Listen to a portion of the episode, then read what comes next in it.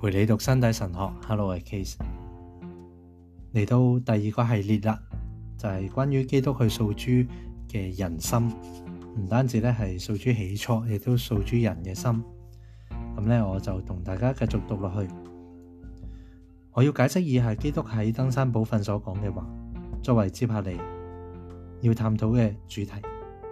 基督讲：，你哋一向听到话唔可以奸淫。我卻對你哋講：凡係注视妇女而貪戀佢嘅，佢已經喺心入边咧奸淫咗佢啦。咁系馬太福音五章廿七到廿八節。睇嚟呢一個片段包含咗身體神學一個嘅主要意義，就好似基督數珠起初所引用嘅經文咁樣，亦即係我哋之前咧喺系列一入边分析所依據嘅基礎。當時我哋得以明白。就基督所講嘅一句話，或者甚至係一個字，所關联嘅語境係幾咁豐富，但係所指嘅唔單止係佢同法利赛人之對談嘅直接語境，而係整體嘅語境。語境即係佢说話嘅成個 context，提到嘅成個 context 嘅背景啊，誒所牽涉嘅場景啊。我哋必须回顾创世纪首几章，先能够可以认识到啊，深入咁样。之前嘅分析已经展示咗基督佢扫珠起初引进何等丰富嘅内涵啦。我哋而家咧就要探讨马太福音五章廿七到廿八节所记载嘅话。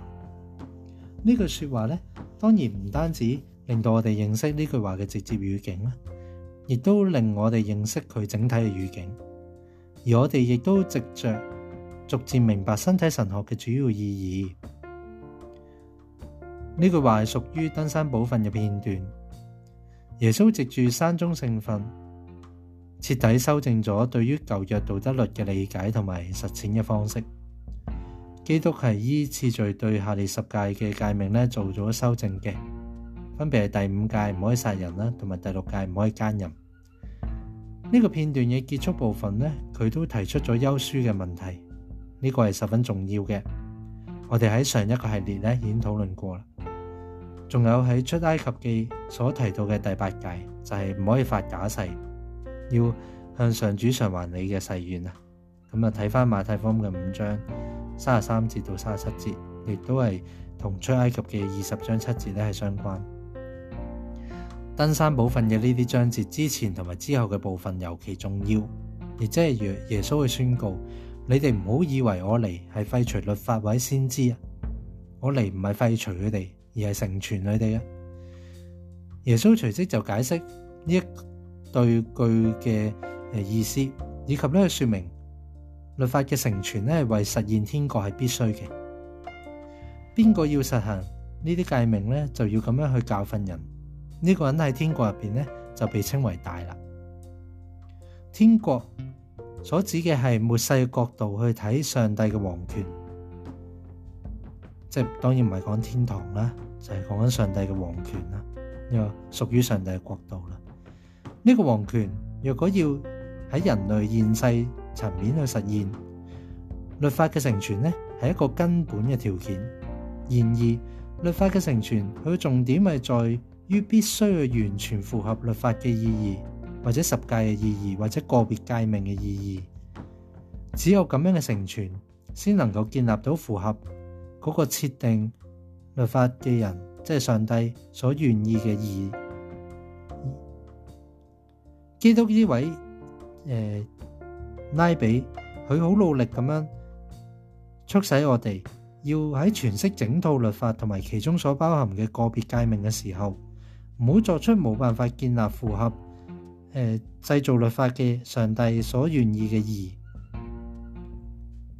嘅人嘅诠释，即系话有啲人诠释咗，诶，上帝所定立嘅法律点样先为之义？基督就话唔好作出一种无法建立去，冇办法去符合呢啲义嘅一种诠释，即系唔好咁样去解释佢。咁马太福音五章廿二十节就提到。我告诉你哋，除非你哋嘅义已经超过咗民事同埋法利赛人嘅义啦，否则你哋就入唔到，一定入唔到天国。喺咁样嘅语境入边，基督系讲出咗马太福音五章廿七到廿八节所记载嘅话。我哋将会用呢一度做依据进行依家要进行嘅分析。呢个系因为我哋是呢句话同埋基督嘅其他言论都系身体神学嘅一个弱视。一个 key 啊，关键嘅锁匙啊，呢句话就好似上述其他言论一样，具有明确嘅规范性质。佢确认咗唔可以兼任呢个界命所包含嘅人性道德原则，同时都展示咗呢个对依对于呢个原原则嘅适当同埋透彻嘅理解，亦即系对于法律嘅充分成全所需要嘅基础同埋条件嘅理解。佢。即系讲到乜嘢叫做成全，系唔可以兼任呢个诶律法咧？咁基督系有一个完整嘅理解嘅。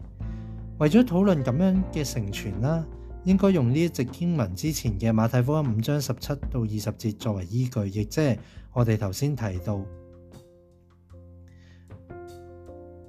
讲到要去超越法利赛人嘅意作为依据。重点系在于既要坚持。上帝立法嘅上帝赋予唔可以兼任呢个界命嘅意义啦，亦都要履行嗰个喺人身上，诶满盈嘅意啊，即系圆满嘅意啊，要 fulfil 到全部嘅意啊，亦即系应应该喺人身上达至特定嘅圆满嘅意，可以话系上述两点就系成全喺福音嘅意义。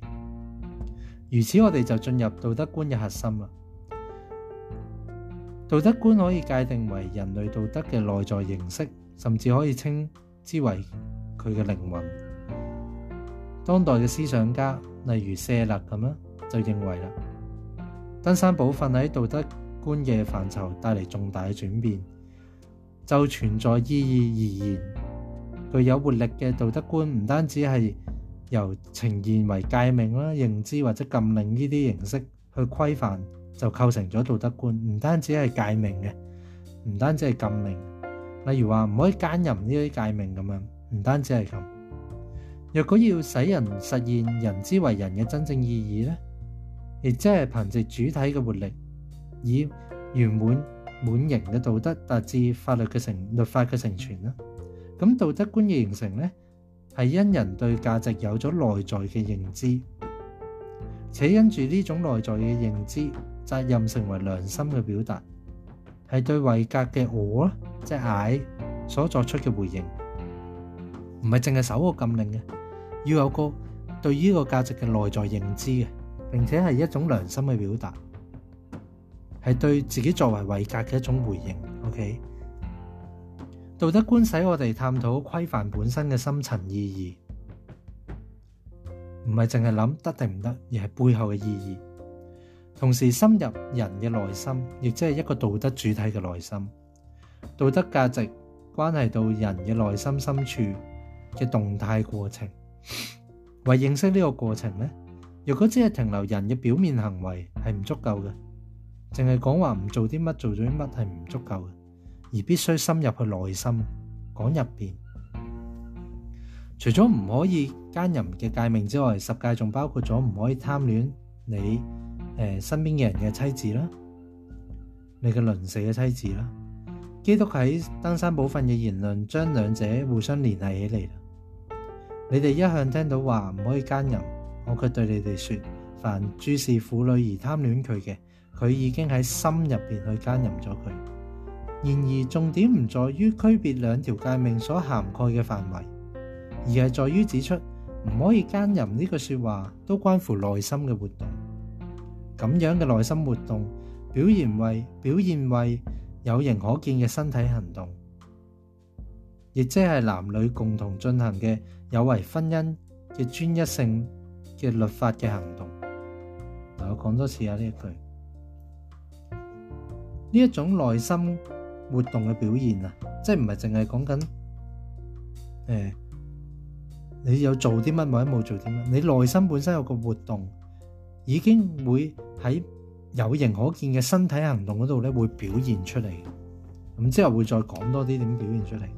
咁就係講關乎眼目，亦即係咧男女共同進行嗰種有违婚姻專一性嘅律法嘅行動，即系有违咗呢種專一律法嘅一種行動。對於舊約經書所提到嘅诡辩，係根據外在標準作出嘅，侧重於探究。系乜嘢外在準則構成咗身體嘅行動，同時以抗衡奸人為目標，為奸人開設咗各種法律嘅漏洞啊！因為淨係講外在準則啊嘛，即係咁樣做又唔得，咁樣做又得，咁啊有好多灰色，即係所謂嘅律漏洞啦。因為有啲做法可能都係奸人，但係佢又話啊咁都得，咁樣咁就係漏洞啦。如此。耶稣又提到喺马太福十九章八节提到，为咗你哋嘅心硬而作出咗各种嘅妥协啊，就系嗰啲漏洞啊，使得立法者即系订立律法嘅人赋予呢个界命嘅意义咧，遭受到扭曲。人呢，只系重视遵守法律条文，但系内在嘅意咧就冇喺人心入边咧充满咗佢哋。基督就将呢个问题嘅本质咧转移到去另一个层次啦。佢就话凡注视妇女而贪恋佢嘅，佢喺心入边已经奸淫咗佢啦。有古老嘅译本咧系咁写嘅，就系佢喺心入边已经将佢变为通奸者。呢个经文嘅译本咧似乎更加准确，即系心入边已经将嗰个男人啊，he 喺心入边已经将 she 变为通奸者。如此。基督素主人嘅内心，并多次喺唔同场合咁样做，咁样无论系关乎福音道德观嘅形成啦，或者关乎看待人嘅方式，定系喺如何注视人方面，基督嘅话睇嚟都显得非常明确同埋有说服力。